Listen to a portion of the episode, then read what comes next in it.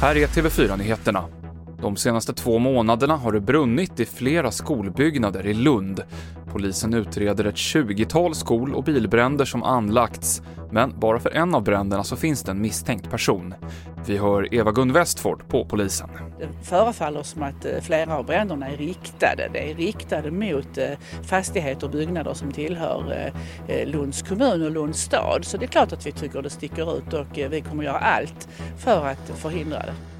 USAs president Donald Trump sågs igår offentligt med ansiktsmask för första gången. Trump har under månader avstått från att ha mask, vilket går emot vad hans medicinska rådgivare rekommenderar. Han bar det igår vid ett besök på ett militärsjukhus och sa inför besöket att det kan vara jättebra med ansiktsskydd vid rätt plats och vid rätt tillfälle.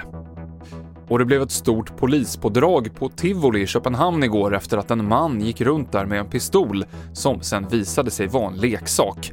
Fem personer greps men alla utom en släpptes efter förhör och den mannen är misstänkt för hot.